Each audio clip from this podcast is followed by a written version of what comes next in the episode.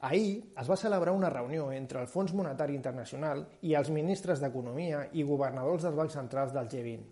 Un cop finalitzada, es va realitzar un comunicat en el que es deia que les conseqüències econòmiques de la crisi del coronavirus són el repte més exigent des de la crisi del 29 i que els seus efectes poden ser superiors inclús als enregistrats al 2008, quan el Producte Interior Brut Mundial va corregir un 1,7%.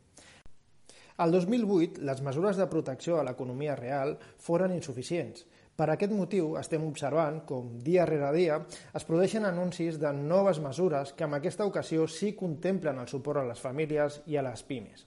Sense anar més lluny, la passada setmana diversos estats europeus es van avançar posant sobre la taula l'accés al crèdit a les companyies que més ho necessitin per suportar d'aquesta manera el teixit laboral. Avui, la Reserva Federal d'Estats Units anuncia un programa molt contundent, el més contundent fins a la data. Compra il·limitada d'actius.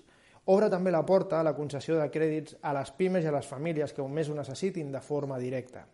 El discurs del governador va ser directe i contundent i va destacar que l'economia ha de suportar-se en moments complexes com l'actual. S'obre la porta a la creació de les denominades rendes bàsiques com a última mesura. Aquestes consisteixen en la distribució d'una renda mínima a les famílies mentre es duri la crisi. La importància d'aquestes mesures és d'una magnitud elevada, ja que diversos estudis publicats durant l'última setmana mostraven un elevat impacte de l'economia si no es prenien mesures relevants i coordinades.